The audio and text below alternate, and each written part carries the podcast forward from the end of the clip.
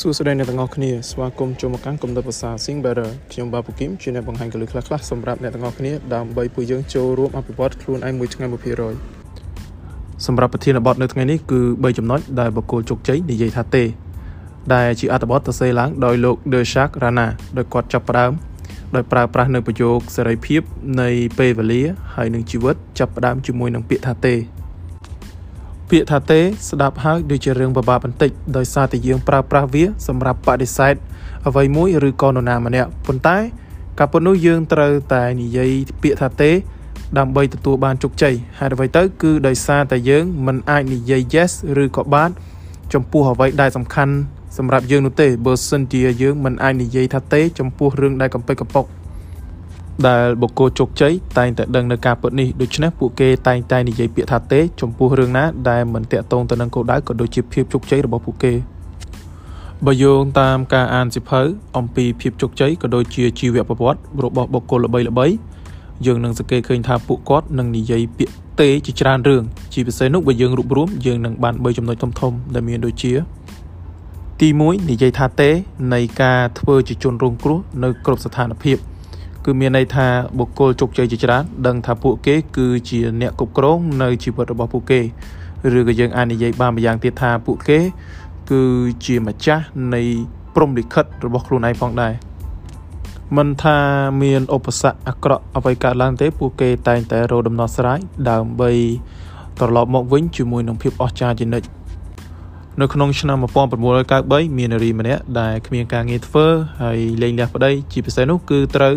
មើលកូននៅខ្លួនឯងហើយនឹងគ្មានផ្ទះនៅទៀតប៉ុន្តែនាងមានក្តីសម័យមួយគឺចង់ខ្លាយទៅជាអ្នកនិពន្ធតែនៅពេលដែលនាងនិពន្ធហើយនាងបានធ្វើការស្នើសុំទៅច្រើនកន្លែងសម្រាប់បោះពុំចភៅប៉ុន្តែត្រូវបានគេបដិសេធទាំងអស់ដោយសារតែមានការខិតខំបាទនាងនៅតែមិនបោះបង់ទេនាងនៅតែដើរទៅមុខរហូតរហូតដល់ទៅមានរោង បោះពុំបាទទី13បានសម្រេចចិត្តថានឹងបោះពុំសិភៅរបស់នាង ដោយសិភៅរបស់នាង បានល្បីល្បាញជុំវិញពិភពលោករហូតដល់ក្លាយទៅជារឿងភាពយន្តដែលយើងគ្រប់គ្នាបានស្គាល់ថាជា Harry Potter បាទហើយនារីម្នាក់នោះដែរគឺឈ្មោះថា J.K. Rowling ហើយបើសិនបើគាត់ល្អូឬក៏ត្អូញត្អែ ធ្វើជាជនរងគ្រោះថាហេតុអ្វីបានជាគាត់បាត់បង់ការងារលែងលះប្តីក៏ដូចជាត្រូវមើលកូនតឯងហើយនឹងគ្មានទីជំរកទៀតនោះហើយសំបីតែខ្លួនឯងទៅសេបានចេញជារឿងហើយក៏គ្មាននរណាមកចង់ធ្វើការបោះពុំជាមួយទៀតហេតុអីទៅបើសិនជាគាត់នៅតែល្អូរឿងទាំងអស់ហ្នឹងគឺគាត់នឹងមិនមានភាពជោគជ័យដោយដែលយើងឃើញរាល់ថ្ងៃនោះទេទី2និយាយថា no នៃការធ្វើអ្វីដែលសុខភាពជ្រុលដែលអ្នកជោគជ័យភាគច្រើនក៏នឹងដឹងថា ហានិភ័យគឺជាផ្នែកមួយនៃការឈានទៅរកភាពជោគជ័យដោយការធ្វើអ្វីដែលថ្មី គឺតែងតែឈានទៅរកភាពបរាជ័យប៉ុន្តែវាក៏ឲ្យឱកាសយើង ក្នុងការរកនៅអ្វីដែលថ្មីក៏ដូចជាអ្វីដែលអស្ចារ្យជាងយើងគិតផងដែរនៅក្នុងឆ្នាំ2010លោក Mark Zuckerberg ដែលជាអ្នកបង្កើត Facebook គាត់ក៏បានធ្វើការបថុយប្រឋានដ៏ធំផងដែរនៅពេលដែលគាត់បានផ្លាស់ប្ដូរនៅ new feed របស់ Facebook ដោយមាន user ឬក៏អ្នកប្រើប្រាស់ជាច្រើនបានធ្វើការរអ៊ូរទាំហើយអ្នកខ្លះទៀតក៏បានជប់លេងផងដែរប៉ុន្តែបន្ទាប់ពីនោះមក បន្តិចម្ដងបន្តិចម្ដងវាឃើញថាចាប់ផ្ដើមបានផលហើយនឹងអ្នកប្រើប្រាស់ក៏ចាប់ផ្ដើមកើនឡើងរហូតដល់រាល់ថ្ងៃនេះលោក Mark Zuckerberg គាត់បាននិយាយថាហានិភ័យដែលធំបំផុតនោះគឺការមិនទទួលយកហានិភ័យនៅក្នុងពិភពលោកដែលផ្លាស់ប្ដូរយ៉ាងលឿន មានតែយុទ្ធសាស្ត្រមួយប៉ុណ្ណោះដែលធានាថាបរាជ័យគឺការមិនទទួលយកហានិភ័យនេះឯងទី3និយាយថាទេ ចំពោះរាងកាយដែលគ្មានសុខភាពល្អគឺជាចំណុចមួយដែលមនុស្សភាគច្រើនបានមើលរំលងប៉ុន្តែសម្រាប់អ្នកជោគជ័យវិញគឺជាចំណុចមួយដែលសំខាន់បំផុតផងដែរនៅក្នុងការឈានទៅដល់គោលដៅដោយសារតែពួកគេដឹងថាបើសិនជាគ្មានសុខភាពល្អនោះក៏គ្មានប្រសិទ្ធភាពក្នុងការធ្វើការងារផងដែរ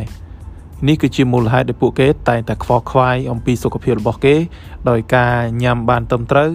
ហើយហាត់ប្រាណបានទៀងទាត់ក៏ដូចជាទទួលដំណេកបានគ្រប់គ្រាន់ផងដែរលោក Richard Branson ជាមហាសេដ្ឋីដែលមានអាជីវកម្មជាច្រើននៅក្នុងដៃរបស់គាត់ទោះបីជាគាត់រវល់ប៉ុណ្ណាក៏ដោយក៏គាត់នៅតែហាត់ប្រាណជារៀងរាល់ថ្ងៃដែរដោយអាកំបាំងរបស់គាត់នោះគូគាត់បានប្រាប់ថាត្រូវតែមាន គ្រូបង្ហាត់ដ៏ល្អម្នាក់ ដោយពាក្យរបស់លោក Napoleon Hill ដែលជាអ្នកនិពន្ធដ៏ល្បីល្បាញម្នាក់គាត់បាននិយាយថារាងកាយដែលខ្លាំងក្លានាំមកនៅចិត្តគំនិតដ៏ខ្លាំងក្លាដូចគ្នាមិនថាយើងចង់ខ្លាចទៅជាអ្នកជំនាញឬក៏ភាពជោគជ័យផ្ទាល់ខ្លួនអីទេ ការថែរក្សាសុខភាព គឺពិតជាសំខាន់ ជាចុងក្រោយនិយាយថាទេវាអាចនឹងពិបាកប៉ុន្តែវាជាឧបករណ៍មួយដ៏មានធម៌ពលដែលបុគ្គលជោគជ័យបានប្រើប្រាស់សម្រាប់ផ្ដោតអារម្មណ៍ទៅលើគោលដៅរបស់គេ វាមានន័យថាបើសិនជាយើងរៀនពីរបៀបនៃការនិយាយថាទេហើយយើងក៏អាចសម្រេចនូវភាពជោគជ័យមួយផ្នែកផងដែរសូមអរគុណពីខ្ញុំពូគឹមសូមជម្រាបលា